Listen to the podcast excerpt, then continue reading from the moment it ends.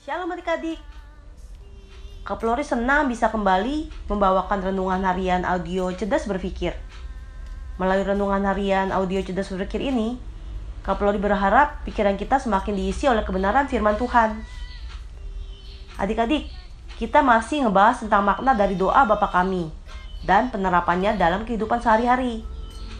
Kakak mau ingatkan lagi nih, doa Bapa kami bukan hanya rumus doa yang harus dihafalkan, tapi juga rumus kehidupan yang harus kita terapkan.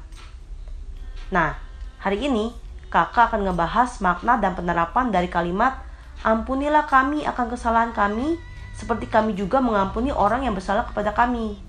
Itu terdapat dalam Matius 6 ayat 12 yang bunyinya, Dan ampunilah kami akan kesalahan kami, seperti kami juga mengampuni orang yang bersalah kepada kami. Kita mulai pembahasannya ya. Adik-adik, Sebelum kita ngebahas mengenai mengampuni sesama manusia yang merupakan isi pelajaran kali ini, baiklah kita mempelajari dahulu pengampunan dari Allah kepada manusia.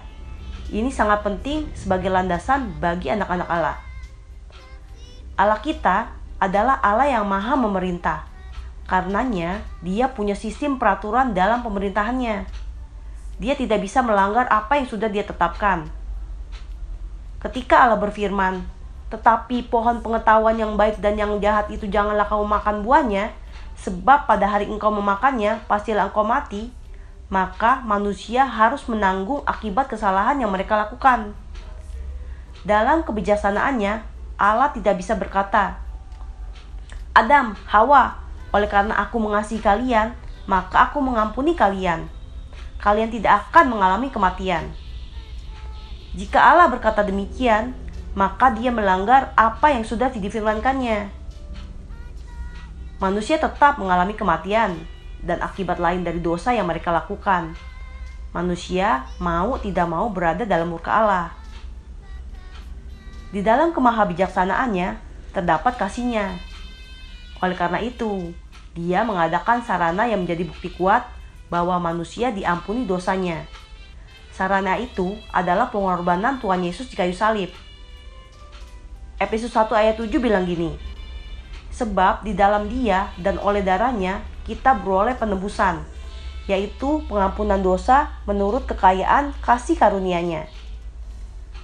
Melalui pengorbanan Tuhan Yesus inilah semua manusia tidak lagi berada dalam murkanya.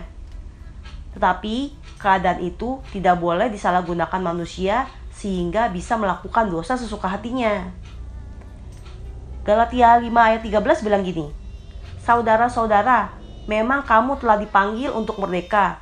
Tetapi janganlah kamu mempergunakan kemerdekaan itu sebagai kesempatan untuk kehidupan dalam dosa. Melainkan, layanilah seorang akan yang lain oleh kasih. Nah, penjelasan kakak di atas merupakan cara berpikir yang harus kita pakai dalam kaitannya dengan pengampunan. Jika Allah mengampuni manusia karena pengorbanan Tuhan Yesus di kayu salib, maka kita pun harus mengampuni sesama manusia karena pengorbanan Tuhan Yesus di kayu salib. Itu karena orang yang bersalah kepada kita sesungguhnya sudah diampuni oleh Bapa. Kita tidak patut untuk tidak mengampuninya. Adik-adik, jika kita mengatakan dan ampunilah kami akan kesalahan kami, seperti kami juga mengampuni orang yang bersalah kepada kami, itu berarti kita sebagai orang Kristen terpanggil untuk mengampuni sesama kakak mah gampang bilang gitu. Tapi prakteknya susah kak. Mungkin itu kali ya yang adik-adik pikirkan.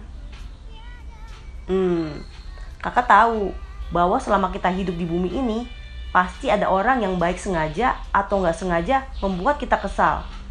Tapi jangan lupa baik sengaja atau nggak sengaja kemungkinan besar kita juga mungkin pernah membuat kesal orang lain. Nah kalau Allah yang Maha Suci aja mau mengampuni manusia, harusnya kita pun harus mengampuni sesama manusia. Lagi pula ya, kalau kita nggak mengampuni orang lain, sebenarnya kita yang rugi loh. Itu karena kebencian nggak akan ada ujungnya, meskipun orang yang kita benci sudah meninggal. Menyedihkan kan?